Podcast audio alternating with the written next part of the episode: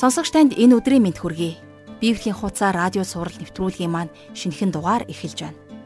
Өнгөрсөн хичээлээр бид Есүсийг баривчлсан цэргүүд Есүсийг хэрхэн дохуурхож зодсон тухай, Есүсийг Пилат болон Херодын өмнө авчирч байцаасан тухай, Барабыг чөлөөлж Есүсийг хэрхэн цовдлсон тухай, бас Есүсийн хажууд цовдлогдсон гимт хэрэгтэн хэрхэн гайхамшигтайгаар авралыг хүлээн авсан тухай гэд сэтгэл хэртхийлхэм хэрнээ сэтгэл хөдлөгөм гайхамшигтай түүхүүдийг эргэн санаж үзцгээсэн.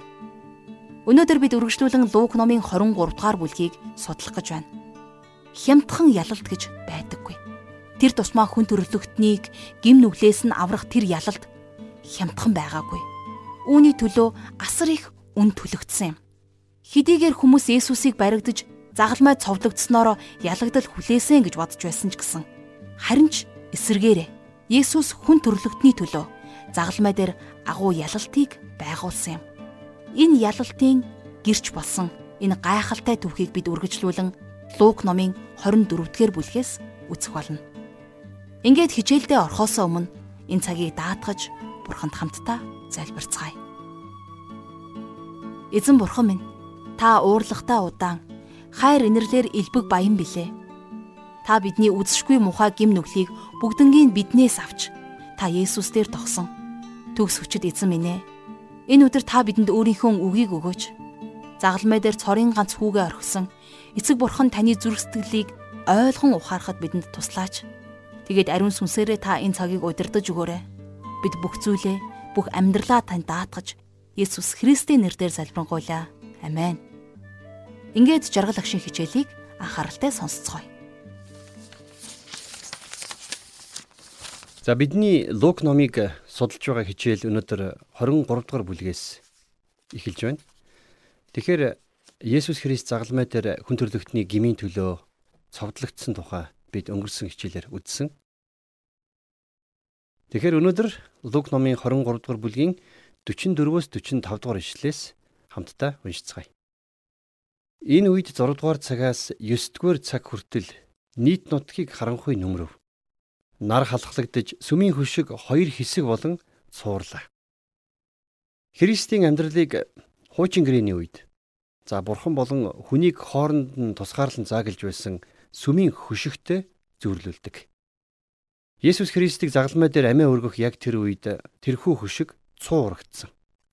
Ингэснээр хүн төрлөختний өмнө бурхан руу очих зам цэлийн нэгдсэн юм. 46 дугаар ишлэгийг үргэлжлүүлэн харцгаая. Нар халахлагдж сүмийн хөшиг хоёр хэсэг болон цуурлаа.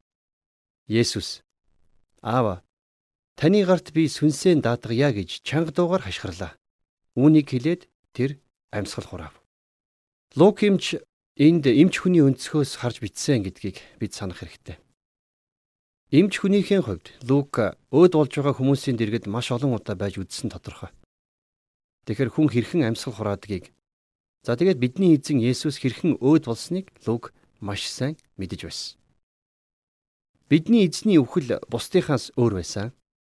Нас барж байгаа хүний дэргэд байна гэдэг бол тийм ч таатай зүйл биш. Хүн нас барахтаа ихэнхдээ төрлөх цангаараа амьд үлдэхийн төлөө тэмцэж тарчилдаг. Тэгэхээр эзэн Есүсийн хоёр хажуу талд цовдлогдсон байсан гимт хэрэгтнүүдийн хувьд бол тэд яг л ийм маягтайгаар өөд болсон байх. Харин Есүсийн хувьд бол өөр байсан. Есүс сайн дураараа амиа өгсөн. Тэр өөрийнхөө сүнсийг даатгсан. Есүс амьсгал хураахтаа юу гэж хэлснийг мэдхүү. За, Илч Йоохны хэлснээр бол түүний сүүлчийн үг нь тетелестай гэсэн ялалтын уухай байсан. За энэ бол за гүйцлээ гэсэн үг байсан юм. Тетелестай. За 23 дугаар бүлгийн 47 дугаар ишлэл дээр Энэ үйл явдлыг харсан зуутын дарга бурхныг магтан энэ үнэхээр гимгүүхэн байжээ гэв гисэн байна. За энэ зуутын дарга авралыг хүлээн авсан гэж би итгэдэг. Энэ хүн бол Христийг цовдлох ажиллагааг гардан хариуцж байсан. За загалмайн өмнө өөдөө харан зогсохдоо ямар нэгэн юр бишийн эмийг бол тэр олж харсан байна. За тиймдээж тэр бурхныг алдаршуулсан. За энэ бүхнээс тэрээр Есүс Христийг зөвхт хүн гэдгийг ойлгосон байна. Сайн мэдээний бусад номын зохиолчид Лукийн бичсэн энэхүү тэмдэглэл дээр нэмээд энэ зуутын дарга энэ хүн үнэхээр бурхны хүү байжээ гэж дуу алдсан тухай өгүүлсэн байдаг. За яг хөө ингэж хэллээгээд шууд итгэж болсон гэж хэлж болохгүй л дээ. А гэхдээ тэрний оронд өөрсдийгөө тавиад үзцгээе. За тэр загалмайн өмнө зогсож байсан. Тэр хүн Есүс Христийн үхэл болон амьлалтын талаар юу ч сонсож байгаагүй. Теологийн ямар нэгэн ном зохиолч уншиж байгаагүй. Энэ хүн ганцаараа загалмайн өмнө зогсож байсан. Тэрний эргэн тойрныг харанхуй бүргсэн байсан. Энэ хүн итгэлээ эннээс илүү өөрөөр яаж илэрхийлэх вүлээ дээ. 48 дугаар эшлэл. Юу болохыг харахаар тэнд хамтдаа ирсэн ард олон болсон явдлыг хараад цээжээ дилссээр буцан явж байв. Христийн үхлээс үүдэлтэй айц түгшүүр ард түмнийг нөмөрсөн. Сайн мэдээний номыг бичигчдээс хинэнч Христийн үхлийг детальчилж бичээгүй байна. Тэгэхээр загалмаа гэдэг бол үнэхээр аимшигтай өхөл. Энэ нь угаасаа сонирхот байх зүйл байхгүй. Хүн төрлөختн загалмай дээрх үйлсээр дамжуулан Бурхны өмнө ирэх боломжтой болсон.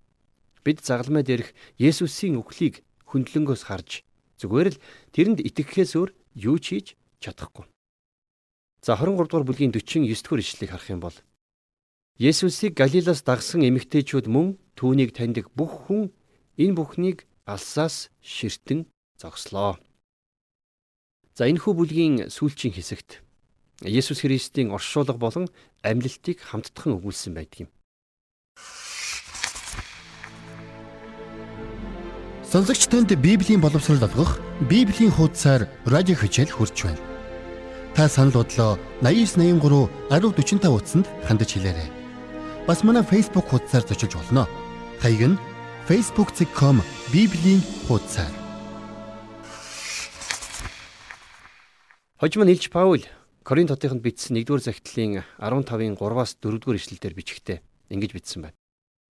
Учир нь би хүлээн авсан дараах зүйлсийг та нарт дамжуулсан юм. Энэ бол хамгийн чухал хэрэг байлаа. Судрын дагуу Христ бидний нүглийн төлөө үгсэн бөгөөд оршуулагдан судрын дагуу 3 дахь өдөртөө амьлуулагджээ гэж бичсэн байна. За энэ бол сайн мэдээний бодит факт байгаа юм. Та энэ баримтанд яг яаж ханддаг вэ? Есүс үхсэн, тэгээд оршуулгдсан, харин тэгээд тэр үхлээс дахин амилсан. Энэ бүхэн танд юу н ямар сонсогддог вэ? Есүс таны төлөө амиа өгсөн гэдэгт та итгэдэг үү? Түүнийг оршуулах үед таны гим нүгэлч гисэн бас хамт оршуулгдсан гэдэгт.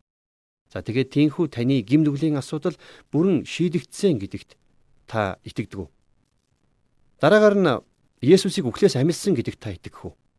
Түүнтэй хамт таа ч гэсэн бас амилсан гэдэгт итгэдэг үү?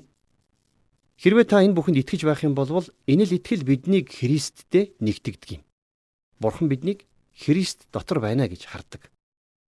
Түүний зөвхт байдал биднийх болж түүний дотор бид зогсдгоо гэсэн үг. За энэ бол та бидний бахархвал зохих гайхалтай үнэн байгаа юм. За үйл явдлыг цааш нь үргэлжлүүлэн 50 дугаар ишлэлээс харъя. Үзэгтэн зөвлөлийн гишүүн Йосеф гихч сайн зөвхт нэгэн байв. За Йосеф гэж энэ ямар хүн байв? Йосеф гэдэг энэ хүн бол маш их нэр нөлөөттэй хүн байсан байна. За тэр хүн Санхедрын буюу шашны зөвлөлийн гишүүн хүн байсан. За нөгөөтэйгэр болох юм бол энэ хүн цор ганцаараа Христийн талд бат зогссныг бас бид нэр харж болно. Цааш нь 51 дүр эшлэл дээр тэр тэдний шийдвэр үйл хэрэгтээ санал зөрсөн юм. Йосеф евдэчүүдийн хот болох Ариматтын хүн байсан бөгөөд Бурхны хаанчлалыг хүлээж байжээ. За Йосеф гэдэг энэ хүн бол хэдийгээр Санхедрын буюу шашны зөвлөлийн гишүүн хүн байсан ч гэсэн бусдынхаа хийсэн үйлдэлтэй санал нийлээгүй болохыг бид дээрээс уншлаа.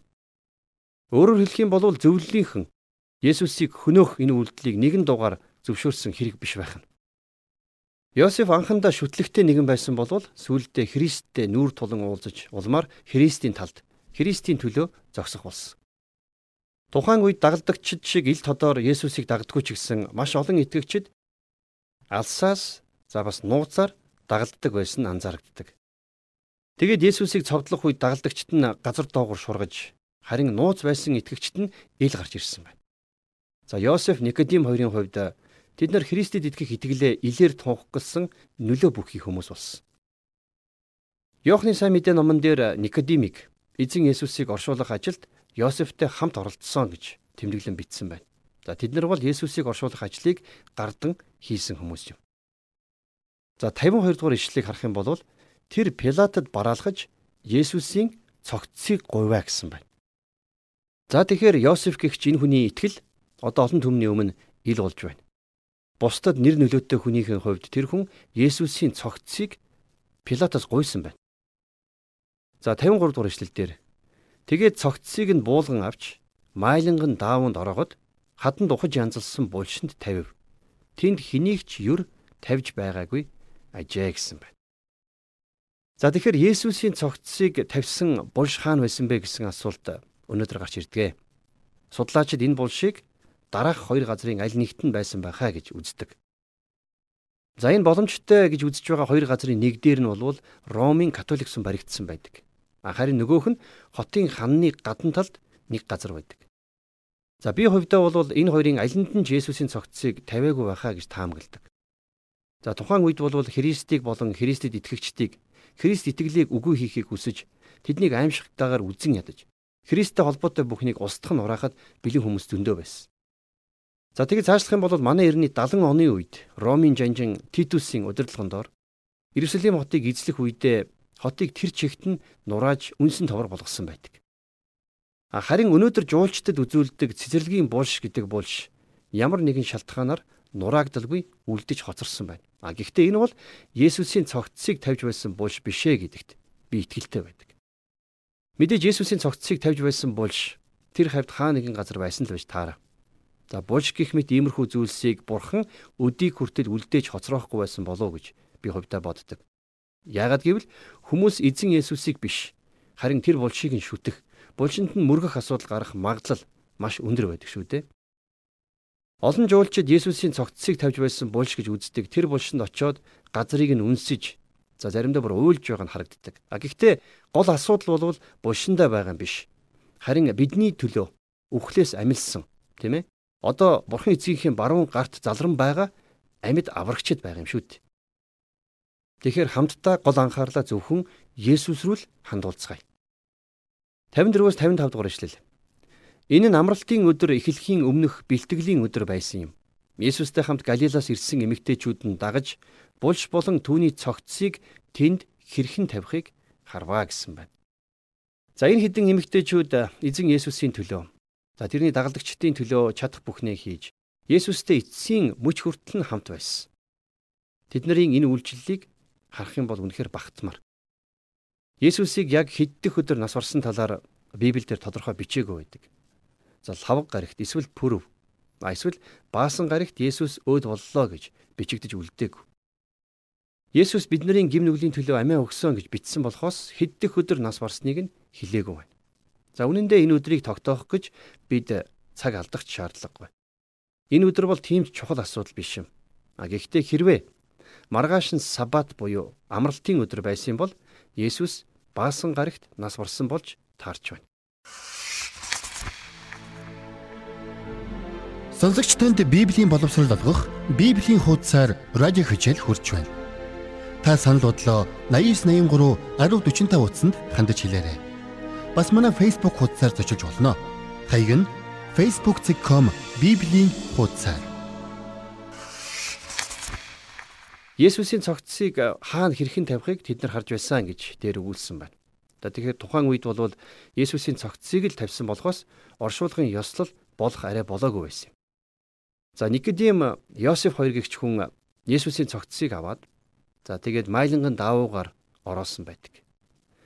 За Иохны сайн мэдэн дээрс харах юм бол инхүү орохдоо тэд нэр мир болон за 100 насны шүүсний асар их хэмжээний холцыг авчирч за тэгээд тэрнийгээ эвдэн заншил ёсоор Есүсийн цогцсыг ороож бэлтгэсэн байдаг. 56 дугаар ишлэгийг хамтдаа уншицгаая. Тэд буцаж ирээд анхлын үнэртэн ба үнэрт тос бэлджээ. Амралтын өдөр тэд тушаалын дагуу амрав. За амралтын өдөр буюу сабат өдөр тэд заавал амрах ёстой байсан учраас тэд нар булшин дээр ирж чадаагүй байсан. Тэгээд тэд нар эзэн Есүсийн биеинд анхлын үнэртэн үнэрт тос түрхэхээр бэлдсэн байна. А гэхдээ энэ бүхэн нь талаар өнгөрсөн юм. Яагаад үг гэхээр тэднийг булшин дээр очих үед булш хоосон байсан. Үндсэндээ тэд үнэрт тосоороо шатсан гэсэн. За Битаны Мария гэх эмэгтэй Есүсийн биеийг үнтэй тосоор тосоллоо гэж зэмлүүлж байсан түүхийг та лав санаж байгаа бах. Тэр эмэгтэйн тос харин дими өнгөрөөгүй гэдгийг бид харж байна.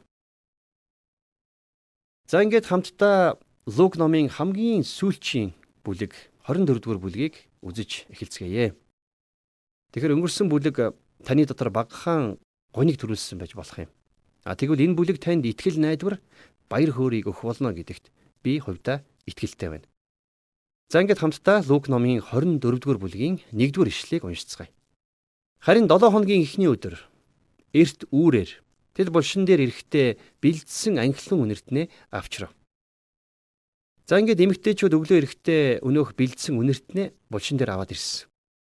Тэр эмэгтэйчүүд тэр үнэртнээрээ дараа нь юу хийсэн болоо гэж би хаяа боддгийн.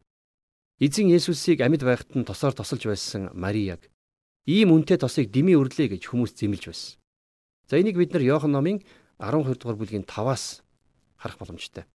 За тэгвэл тэр эмэгтэй тос дими үрэгдээгүй юм.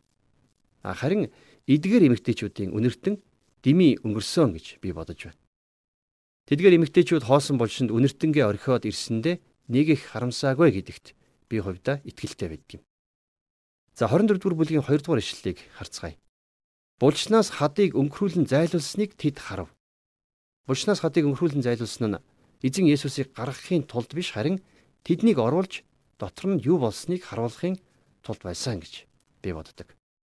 За 3 дугаар ишлэлдэр үргэлжлүүлээд дотогш орсон боловч эзэн Есүсийн цогцсыг олсонгүй гэсэн байна. Тэднийг ороод харахад эзэн Есүс аль хэдийнэ явчихсан байсан. 4-8 дугаар ишлэлдэр Ийхүү тэднийг хэрхэхээ үл мэдэн байтал үзэх түн гэрэлтсэн хувцастай хоёр хүн гинт тэдний хажууд зогсож байлаа. Мөнөөх эмэгтэйчүүд айн сандарч нүрээ газар хүртэл бүхийлгсэнд тэд та нар юунд хөхсдийн дунд амьд нэгнийг хайна вэ? Тэр энд байхгүй. Тэр амилсан. Галилд байхдаа тэр та нарт юу альдаж байсныг сандсгаа. Хүний хүү нүгэлт хүмүүсийн гарт тушаагдж цовдлогдоод 3 дахь өдөр нь амьлах ёстой гэсэн шүү дээ гэжээ. Тэд түүний үгийг санан. За энд төр зогсъё. Тэгэхээр тэр тэнгэр элчнэр нэгэн гайхамшигтай асуултыг асуусан байна. Юу гэж асуусан гэхлээр Та нар юунд үхгсдийн дунд амьд нэгнийг хайсан бэ гэж. Тэгэхээр эдгээр эмэгтэйчүүд үнэндээ энд яах гэж ирсэн бэ? За Петерч тэр Йоханч тэр яах гэж булш руу гүйлдэн ирцгээсэн бэ? Үнэндээ тэд нар үхсэн нэгнийг л хайх гэж үхгсдийн дунд ирсэн юм шүү дээ. Тэрнээс амьд нэгнийг хайх гэж тэд нар энд ирээгүй. Есүс Христийг үхлээс амилна гэдэгт яг үнэндээ бол тэд нар итгээгүй байсан. Зарим хүмүүс сайн мэдээний номнууд Есүсийн амьлтын талаар зөрүүтэй мэдээлэл өгдөгөө гэж зүтгэдэг. А гэхдээ хэрвээ бид нар сайтар судлах юм бол ямар ч зөрүү байхгүй. Сайн мэдээний номыг бичигч бүхэн амьлалтын өөр өөр үнцгийг харуулахыг зорьсон байдаг юм. За Лукийн хувьд бол бидэнд эмэгтэйчүүд үнэртэн аваад булшин дээр ирсэн тухай л голчлон өгүүлсэн. Тэдгээр эмэгтэйчүүдэд Тэнгэр илж сануулах үед тэд Есүсийн үгийг сансан байна. За заримдаа бид нар ямар нэгэн зүйлийг сонсчоод Түүнийг үнэн гэдгийг мэддэг ч гэсэн гоо яагаад ч юм энэндээ итгэдэггүй. За өнөөдөр маш олон хүмүүс Бурхны үгэнд яг л ингэж хандаж байна. Есүс өөрийгөө Иерусалимд очиж амиа алдах болно гэдгийг за тэгээд цааш нь 3 дахь өдөртөө үхлээс амилна гэдгийг дагалдагчдаа олон удаа хэлж байсныг сайн мэдээг бичсэн хүмүүс бүгд л дахин дахин бичсэн байдаг шүү дээ. Тэд Есүсийн хэлсэн үгсийг сонсож байсан ч гэсэн яагаад ч юм ерөөсөө итгээгүй байсан юм.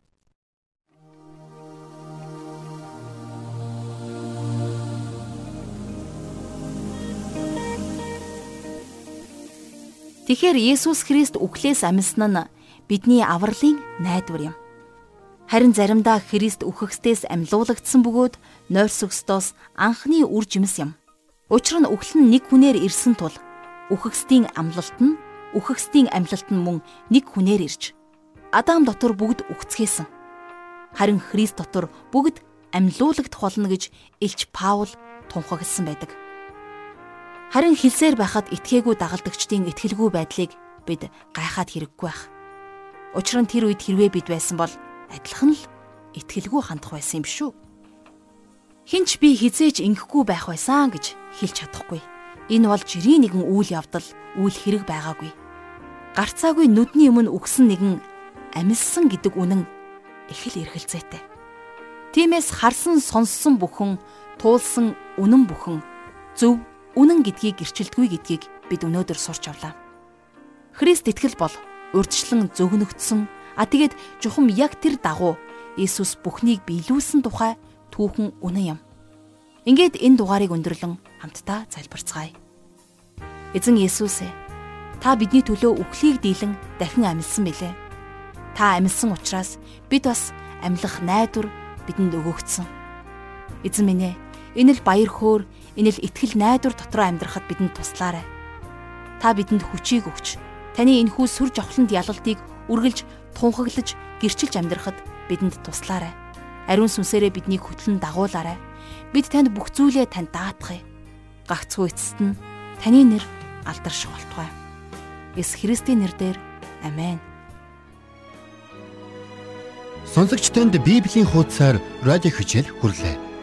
Энэхүү хичээл маань даваагаас баасан гарагийн 14 цаг 5 минутаас танд хүрж болно.